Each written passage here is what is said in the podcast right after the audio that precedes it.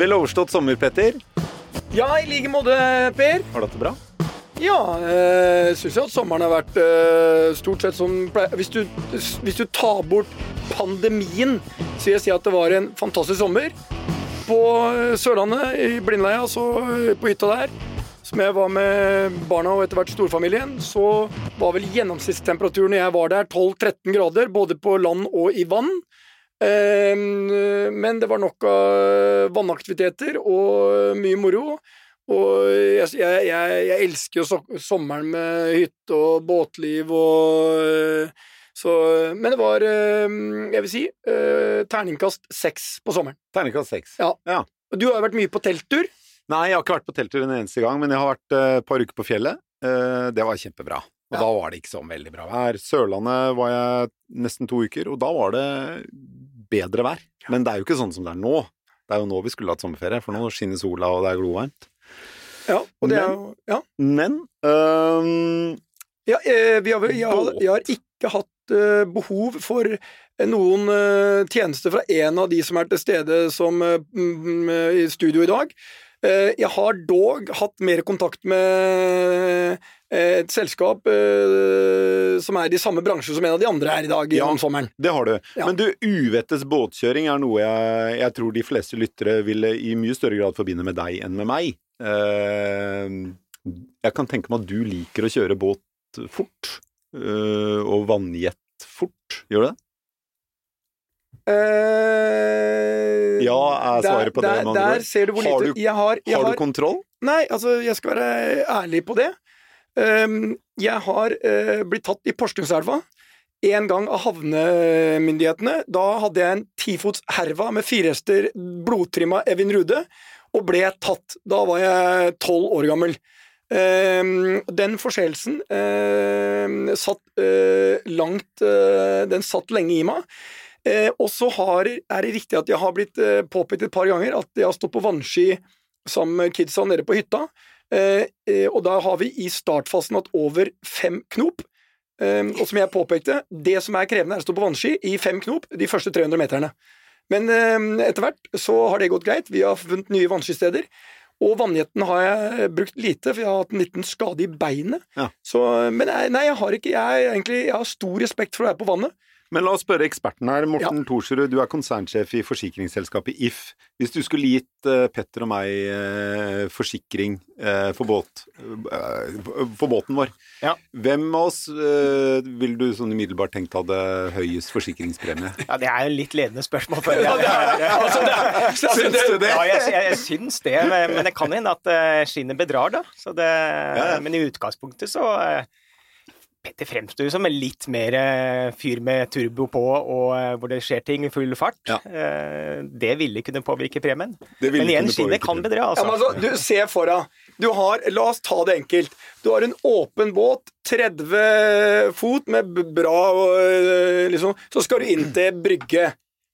Helt ærlig, jeg er født og oppvokst med båt. Så kommer han her, her som har tilbrakt hele livet sitt oppe i Barlyngen, og så skal han inntil en brygge. Altså, Det er jo høyrisikosport. Ja, Ikke det bare for han. Det er som klatring uten sikring. Friklatring. Ja, ja. Nei, Men hvor mye du- båt nei, har du har du kjørt? Helt, det har du helt rett i, fordi ja, nei, jeg har kjørt ganske mye båt, men, men jeg er jo ikke noe god båtfører, og det er stort sett sånne småbåter, ja. Og jeg, jeg eh, liker jo sånne småbåter som tåler en ripe på sida, fordi jeg dundrer inn i brygga og syns egentlig det er helt ok.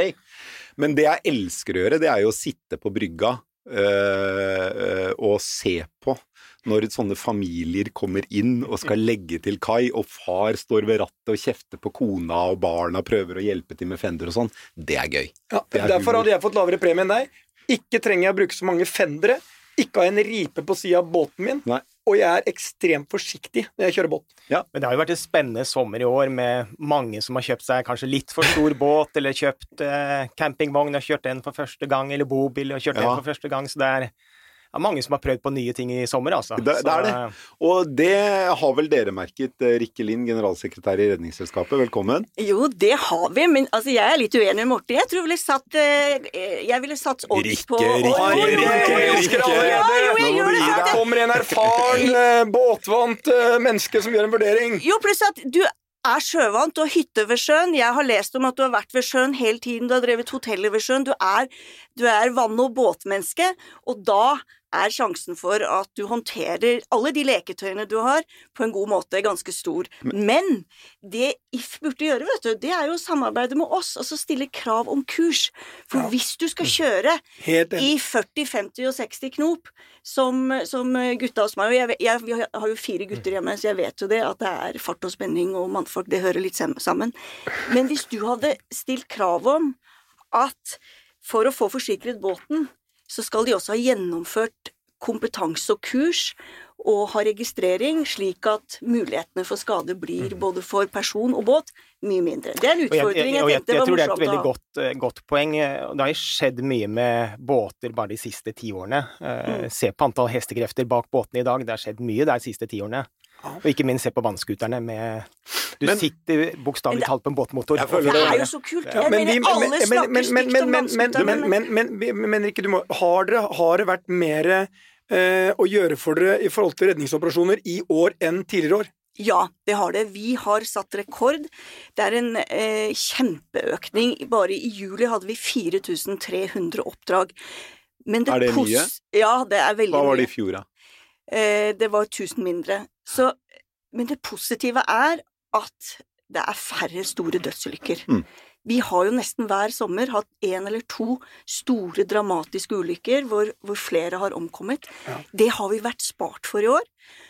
Og jeg tror at det er mye takket være gode holdningskampanjer. Vi har vært offensive fra Redningsselskapet, men også andre. eh, Sjøfartsdirektoratet og Kystverket. På å pushe ut informasjon. Men hvor mange drukner i Norge i året? rundt 100.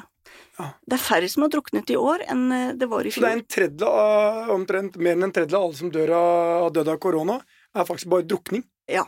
Og i fjor eh, hadde vi flere som omkom på sjøen, eh, eller druknet, eh, enn det som kom, omkom i trafikken. Så dette er jo et stort samfunnsproblem, en utfordring, som vi bør løse sammen. Og det er, det er, det er ikke én enkel kvikkfiks her, men det vi vet er at på veitrafikk så har man jobbet målrettet med allianser eh, bredt i mange år og fått Men, eh, før vi- jeg har bare- teknisk- spørsmål. før vi går videre nå, Nå står du med pekefingeren som det var mora mi. Ja, men du hadde også pekefingeren oppe. Jeg hadde ikke pekefinger, jeg tok på meg brillene.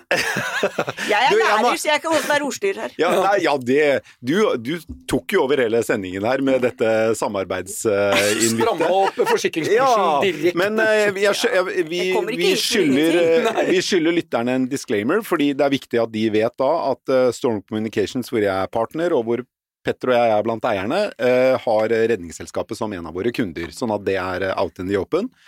Eh, men 100 dødsfall til sjøen, eller eh, 100 drukningsdødsfall i løpet av et år, er det mange? Jeg forstår at det er 100 for mange, men er det mange? Ja, det er mange. Eh, og det er selvfølgelig, selv om tallene i år kommer til å kanskje lande under 100, håper vi, så er det for mange som omkommer på den måten. Og, og det er eh, tøffe gutter som kjører fort i fylla om natten, og det er eh, noen som svømmer litt for langt, det er stupulykker, eh, vi har sett en overrepresentasjon fra innvandrere som er eh, uvant med vann. Så det er, det er ulike typer drukningsulykker, og det er det som gjør det litt krevende. Rikke, er, er det sant at, eller er det bare en myte at det største flertallet er godt voksne menn beruset eh, med smekken åpen som eh, dør? Det er litt en myte, jeg vet ikke om de har smekken åpen, men eh, de er overrepresentert i statistikken, det er de. Men de har blitt flinkere, menn, de også. Ja. Ja, men vi opplever at det er mindre bruk av alkohol. Altså, for, båtfolk har vært flinkere.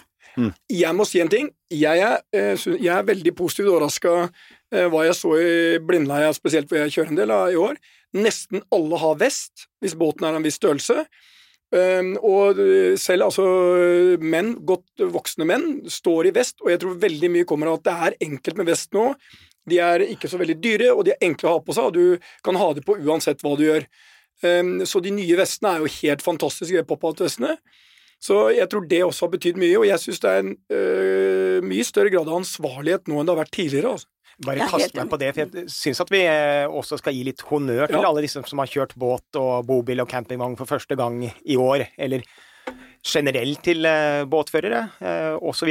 Fordi det vi ser på vår statistikk Vi var veldig bekymret når sommeren startet og tenkte at nå blir det en rekordsommer i form av antall ulykker. Og det ser ikke vi, faktisk. Så antall båtulykker, hvis du ser i forhold til antall båter, så er det omtrent som det har vært tidligere.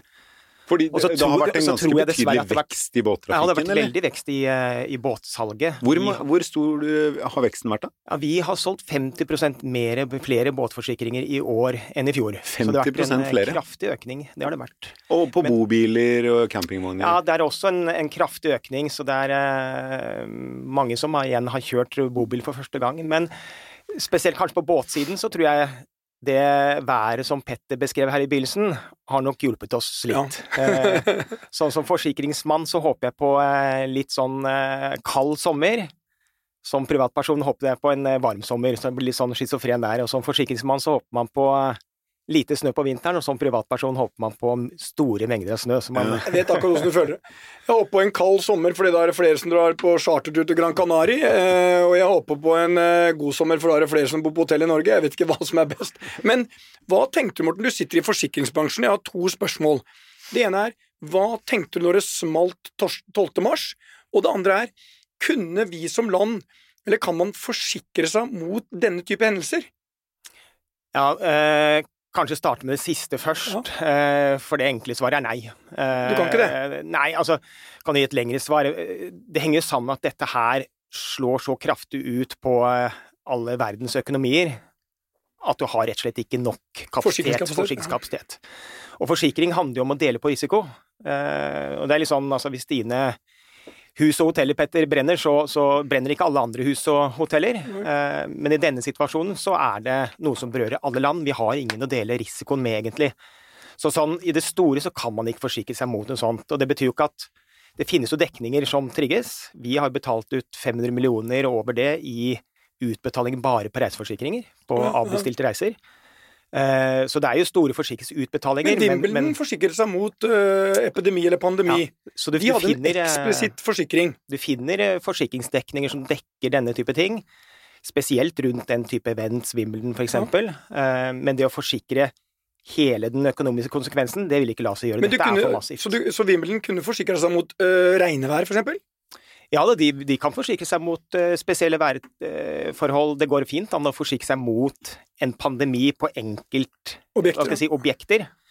Men det å forsikre hele eh, samfunnet for dette, det, det blir, blir, for stort. Så det har på en måte ikke Det fins ikke betalingsvillighet for å forsikre seg mot noe sånt. Bare så, ja, det er bare en liten oppklaring her når han sier uh, de, Når If tegner en stor forsikring, så sier han at de forsikrer seg videre. Altså, du må bare kort forklare. Det er ikke sånn at dere tar all risikoen, dere deler den med kanskje 100 andre internasjonale selskaper? Ja. Eh, når vi forsikrer eh, våre kunder, eller forsikrer eh, bedrifter og privatpersoner i Norden, så deler vi den risikoen med andre, det man kaller reassurans- eller gjenforsikringsselskaper. Så det er et globalt marked. Så vi tar en del av tapet selv, og så er det andre som på en måte igjen har forsikret If, da. Så, så sånn sett så er forsikring del av et globalt system. kjøper også forsikringer? Ja. Men hvordan har, eh, hvordan har, koronapandemien eh, slått ut for eh, forsikringsbransjen? Nei, altså da, da, dette startet, da, tilbake til første delen av spørsmålet til Petter, så var det jo Det første man tenker på, var bare wow, altså dette er jo noe vi faktisk har hatt i en del sånne kriseplaner eller sånt. Global pandemi. Og da har det liksom bare vært en overskrift, har man liksom ikke hatt noe særlig følelse for det, gjort noen beregninger. Og det første man tenker på, liksom er ok, hvordan berører dette oss? Eh, forsikringsselskaper har jo mye investeringer. Eh, If har over 100 milliarder eh, investert. Og når børsen da kollapser liksom totalt, så er jo førstefokuset bare på å se ok, hvordan vil dette slå ut. Det er viktig for oss at vi står støtt og fortsatt kan hjelpe kundene våre. Så, så det er liksom førstefokuset. Eh, også umiddelbart begynner kundene å ringe. Mm. Lurer på hva, hva skal man nå gjøre? Jeg har bestilt feriereise sånn og sånn, hva gjør jeg nå? Og bedrifter som lurer på hva skal vi gjøre. Eh, vi opplever å måtte permittere folk, hva gjør vi med våre forsikringer? Og så midt oppi dette så skal vi flytte 6000, ja, over 6000 av våre 7000 ansatte på hjemmekontor. Så det, det koker litt da i, i, de første ukene. Det må ha vært en utrolig krevende situasjon? Ja, det var en krevende situasjon. Um, samtidig så var vi litt sånn heldige, vi hadde jobbet mye med kultur og, og, og, brukt mye tid på å, å, forsterke bedriftskulturen vår gjennom hele 2019, så var nesten sånn at vi fikk en eh, første test på å faktisk sette kulturen ut i praksis, da. Men, eh, men det er klart det er krevende. På hvilken måte, eh, mer konkret, hva, hva tenker du på? Eh, jeg tror for oss og for veldig alle selskaper, så tror jeg liksom det handler om å eh, legge til rette for at ansatte kan fatte riktige beslutninger i enhver situasjon. Eh, selv om vi har, som sagt, hatt global pandemi som et scenario i, i våre planer, så vet man jo ikke reelt hva man skal gjøre når det, når det slår, slår ut, og da er man helt avhengig av ansatte som måte forstår hva som er viktig og ikke viktig, og klarer å ta riktige beslutninger. For det, en konsernledelse klarer ikke å ta det raskt nok i en sånn situasjon. Der du er helt avhengig av at organisasjonen selv tenker og setter i gang tiltak. Rikke, du som leder en organisasjon som er dels frivillig basert, hvordan funker det når aktiviteten øker veldig? Hvordan øker inntekten deres da? Hvordan er inntektssituasjonen deres, og hva i midten av dette korona eh, traff, og hva, hva var dine tanker rundt det? Og Det første var jo litt som, som Morten sier, det er å, å være ansvarlig toppleder og sette kriseledelse og, og gjøre det han har øvd på og trent på. Eh, vi har hatt krisestab før, eh, og vi øver jevnlig, men det var, det var en ny erfaring å, å gjøre det over så lang tid. Tidligere har vi hatt kriseledelse i bare noen få dager, og nå hadde vi det i 50 dager. Så, så et og selvfølgelig, da er jo hovedfokus hvordan leverer vi beredskapen, hvordan skaffer vi smittevernutstyr, alle disse tingene. Men når du kommer forbi det, så er det jo hva skjer med inntektene våre. Og da var vi veldig bekymret for særlig de store giverne. For vi har eh, fantastiske næringslivsledere, privatpersoner, familier, stiftelser som gir gaver.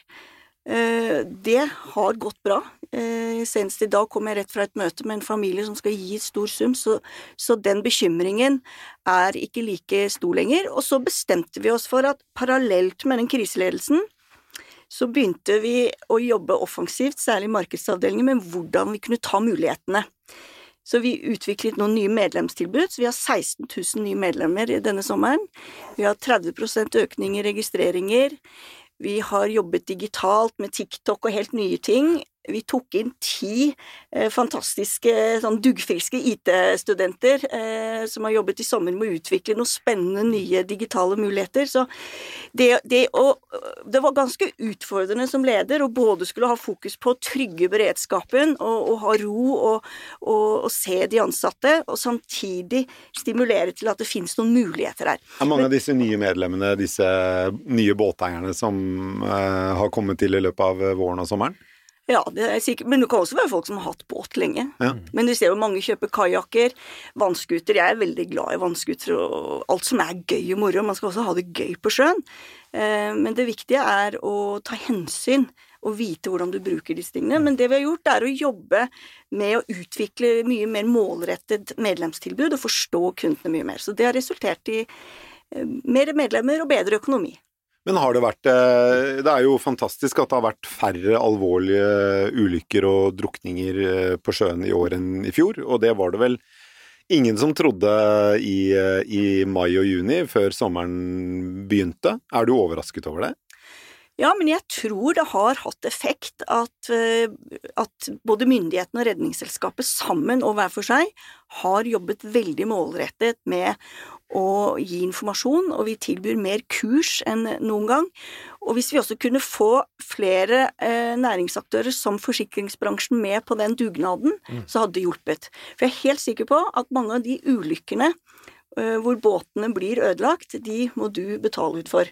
Og vi vet at kompetanse hindrer dette. Så her kan vi gjøre noe mer sammen. Og så kan vi si at i 2021 så blir det enda bedre. Det er jeg alltid De, de sier det, Jeg har hatt ledermøte i dag med og sier du er aldri fornøyd, Rikke. Nei, det er ikke min natur. Jeg er litt dårlig på det der å feire det bra. Jeg vil liksom alltid litt videre, da. Du, alle dine ansatte har jo hjemmekontor, eller de fleste av dem har hjemmekontor, og, og du har jo sagt at eh, de kan ha hjemmekontor så lenge de vil. Ja, vi har sagt som prinsipp at vi kan eller at vi ønsker å, å helt på, på, så langt vi kan se, ha mulighet for 50% hjemmekontor. Men vi tror på det å være sammen. Vi tror at eh, vi er sosiale mennesker som trenger å se hverandre, og vi tror på dynamikken. Du bare kjenner jo energien i rommet her nå, ikke sant? Eh, vi må ta vare på det, og samtidig så forteller de ansatte at de har bedre liv, mindre stress, ved å få lov å ha fleksibilitet med å jobbe hjemme. Så ta det beste fra begge verdener, det er den beslutningen vi har tatt. Ja. Du er ikke så glad i hjemmekontor, Petter? Jeg er redd for at øh, hjemmekontoret, og det har jo vært en del uh, undersøkelser på det, øh, reduserer over tid effektiviteten vår. Um, og øh, det er det som bekymrer meg mest. Og så tror jeg også det er et ikke uvesentlig element der av alt det som skapes når vi står og møter hverandre. Mm. Vi har gjort veldig mye nå på forskjellige sosiale eller sånn medieplattformer, altså kommunikasjonsplattformer. Meets og Zoom og alt sånt. Og det fungerer, sånn jeg ser det, som et, en sånn enveiskommunikasjon. Fungerer dårlig når det skal ha dynamikk mellom mennesker og ting skal skapes og sånt noe. Når det gjelder hjemmekontor, så er jeg bare litt bekymret for hele trenden rundt det, at det skal redusere effektiviteten vår. Det er det som bekymrer meg mest. Ehm, og for oss i hotellskapet så betyr ikke det Det har ikke noe med det å gjøre, for det betyr ikke så mye for oss der. For jeg tror liksom det øker bare behovet for større møter rundt nå. For skal du kommunisere til 50, 100, 200, 300 mennesker, så funker det ikke. Så det er det som er bekymringen min. Men eh, jeg syns det er én ting som er interessant her, og det er spesielt når vi har eh, If som forsikringsselskap her sånn.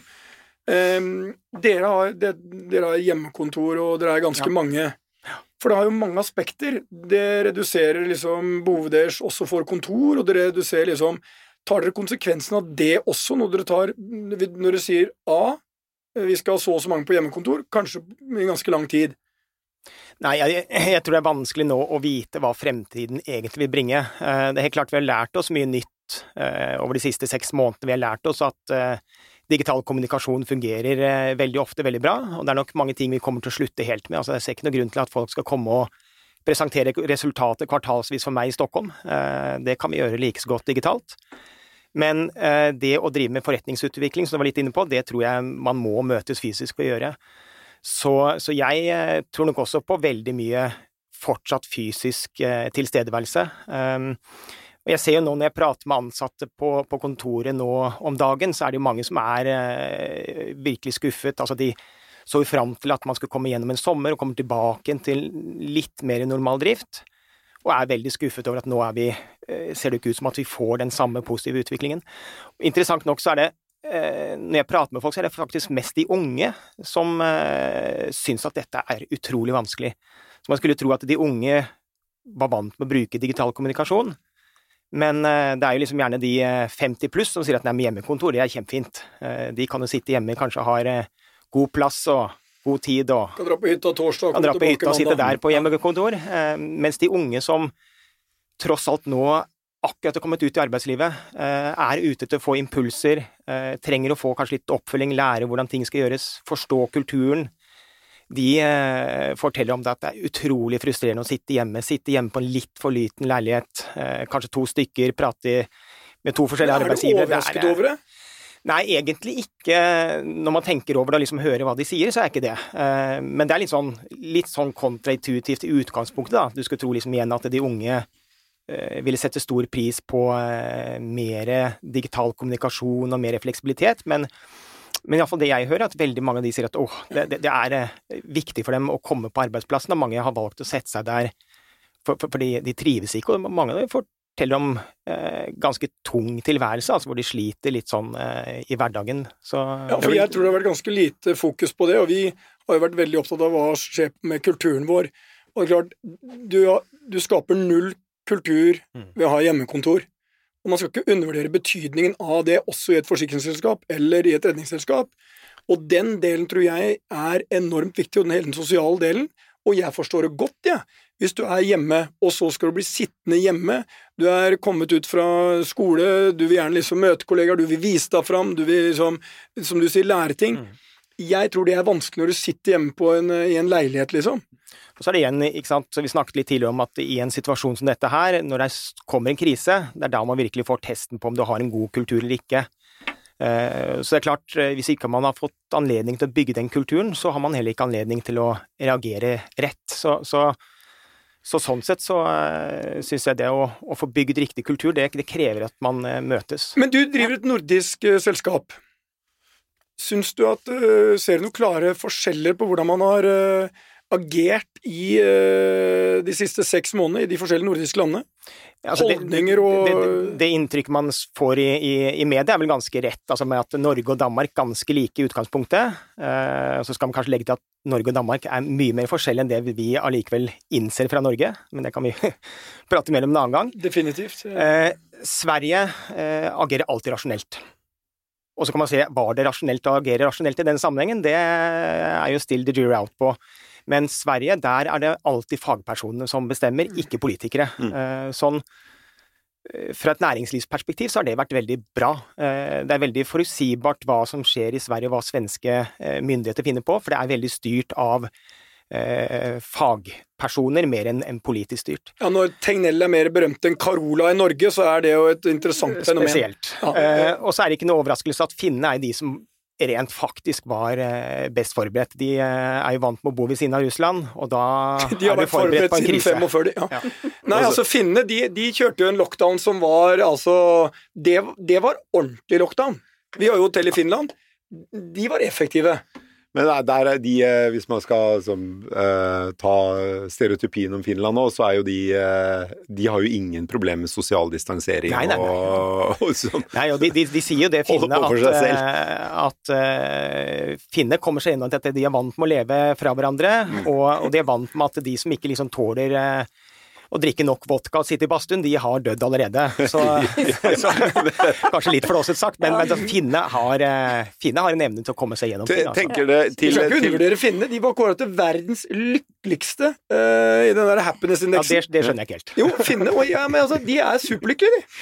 Eh, det er jo noen funksjoner som det er lett å se for seg at man kunne hatt på hjemmekontor på ubestemt tid. Et kundesenter er jo typisk en sånn funksjon der der, er der eh, man, man, får bare sitte foran en datamaskin og man får opp og man trykker på en knapp, og så ringer det til neste kunde. og man, Det er stadig oppfølging, og det er lett å overvåke for lederen òg hvor høy aktiviteten er osv. Men eh, det er jo samtidig en type funksjon hvor jeg tenker man må ha kolleger å snakke med. Man trenger noen å snakke med som, som gjør at man får litt uh, avlastning i en hverdag. Men tror du det er en del bedrifter som vil se på Eh, hjemmekontor eller eh, korona, hele koronasituasjonen som en mulighet til å effektivisere en del typer virksomheter, og kanskje også se at ja, det, det, kundesenter, det, det, outsourcer vi. Det tror jeg nok det er, men jeg tror man skal være litt forsiktig med det. Eh, jeg tror man kanskje heller da skal ta utgangspunkt i kunde- og kundeatferd. For det er klart, vi ser jo at kundene har jo blitt utrolig mye mer digitale de siste seks måneder. Mm.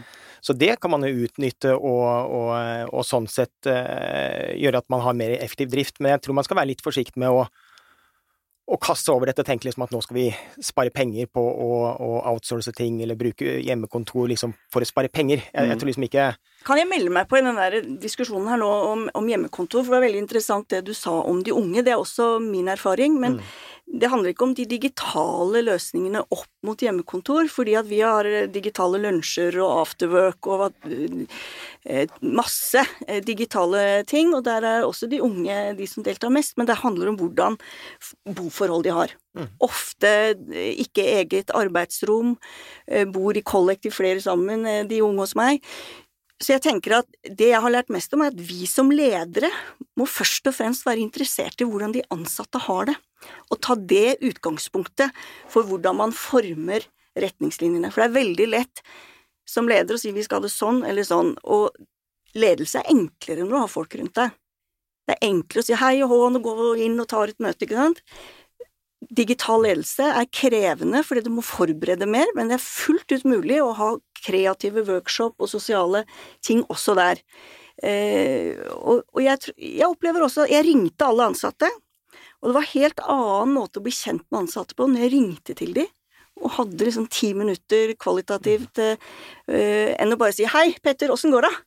Eh, så jeg tror jeg har lært mye av at Kanskje ikke jeg skal ta som utgangspunkt i hva jeg, hva er Rikke sine behov, kanskje høre hva er de ansatte sine behov, og de er forskjellige, og prøve å legge til rette for hver og enkelt av dem. Mm. Men jeg, jeg, jeg, bare én ting, jeg vil ikke slippe helt det der nordiske. Du er, nordm er du fra Bamble? Nei, jeg har hytte i Bamble. Hytte så Bamble, det er jo Norges beste skjærgård. Nei, det er faktisk feil. Det er kåret uh, hva som er Norges beste skjærgård. Det var Blindheia, det var en stor kåring. Men Bamble er bra, det, altså, det er ikke noe gærent. Uh, jeg ville kanskje dratt litt uh, lenger ut, men det er vel litt brakkvann der, hvis man skal være helt ærlig. men Bamble er bra som telemarking. Men det var ikke mitt poeng, var følgende. Du er vel en av de få nordmennene som er konsernsjef for et svensk selskap eid av finner. Ja, det er altså, i hvert fall en litt artig kombinasjon der. Ja, altså, jeg prøvde å tenke nå hvor mange nordmenn jeg, jeg, jeg, tror du kanskje er den eneste med den kombinasjonen. Men ser du stor forskjell på å jobbe i, liksom med svensker og jobbe med nordmenn? Ja. Du gjør det? det ja, det er det. Er det. Um, og det er jo veldig mye de stereotypene man, man hører. Altså, de er reelle. Uh, Sverige er konsensusdrevet. konsensusdrevet. Der tar du ikke beslutninger i møter, der uh, skjer beslutningene i korridorene, som er liksom kjempevanskelig i den digitale verden. da. Uh, der med å samsnakke seg før møtet, så liksom Det er lett å liksom si at det er uh, flåse litt av det, men, men, det er utrolig kraftfullt. Altså Når svenskene har bestemt seg, da har de bestemt seg. Da er alle med, da kjører de. Uh, da har de utvurdert ganske lenge, ja, da, da de, og da har de prata mye i korridorene. Det har vært mye korridorer, Hvem er lettest å lede? Uh, nei, Finne er lettest å lede, men også på mange måter farligst. hvis du drar til Finland og sier at nå skal vi gjøre det sånn og sånn, og så er det ikke gitt at du kan eller forstår Finland fullt ut, ikke sant. Så kan Finne sitte der en hel, hel gruppe og si at ja, men dette her, dette her gir jo ikke mening. Men de gjør det allikevel, for de tror at her er det noen uh, høyt oppe som har tenkt veldig mye. Og, og igjen, igjen satt, litt, satt litt på, på, på, spissen, men altså, Finne har veldig respekt for, uh, for ledere. I Norge så får man mer motstand, som er jo veldig bra, for da kommer det bedre løsninger. Også i Danmark er det jo sånn at du forteller, eller diskuterer og blir enig om hva du skal gjøre, så gjør du noe helt annet. Danmark er vanskelig, altså. Utrolig vanskelig land eh, forretningsmessig, for det er så Så det vil si danskene er de vanskeligste å lede? Eh, ja, ja, jeg vil nok kanskje si det. Og også Danmark som land er eh, ikke sant? Vi som nordmenn tenker at nei, men dansker, de skjønner vi. De er som oss. De er ikke det. Det er, det er så store kontraster altså med hovedstadsområdet versus resten av Danmark. Eh, de er moderne, og samtidig er de totalt umoderne. De er ikke hierarkiske, og så er de samtidig ekstremt hierarkiske. Det er liksom så, så, det er så vanskelig å få grep på Danmark på et eller annet vis. Eh, men igjen, vi tror vi forstår de, men det gjør vi ikke. Eh, vi må, vi må begynne å tenke på klokka, vi må, vi må runde av dette. Men, men, jeg har lyst til å, til å slutte omtrent der vi begynte, fordi i år har vi jo sett en voldsom oppblomstring i antall båter på sjøen og bobiler på veien, og da var det ganske frustrerende å kjøre av og til, for det gikk jo så sakte i trafikken bak uh, ny, uh, nye bobileiere. Men neste år vil vi se en uh, Vil vi se mange båter på land og bobiler i garasjene? Ja, det blir spennende. Jeg er vel litt redd for det. Så kommer det jo an på hva som skjer rundt oss i verden, da. Det er mulighet til å gjøre gode kjøp, tror jeg. Være tidlig ja, ute på Finn det, altså. Eh, rundt påsketider. Mm, mm. Ser du for deg at det vil være et stort eh, frafall av eh, medlemmer da, Rikke? Nei, det tror jeg ikke. Vi kommer til å øke antall medlemmer, for jeg tror flere og flere kjøper båter. Og det finnes så mange ulike typer båter, og billige båter. Men jeg tror det, det blir mulighet for gode kjøp utover vinteren, for vi mm. vet jo erfaringsmessig at mange skifter ja. båt etter ett år. Så Skal opp fire fot. Tre, ja, tre, tre. Tre, fire fot, ja. Ja, men det er bra. Eh, tusen takk for at dere kom i studio, Rikke Lind i, eh, i Redningsselskapet og Morten Thorsrud i GIF. Vi eh, snakkes igjen neste uke, vi, Petter. Det gjør vi.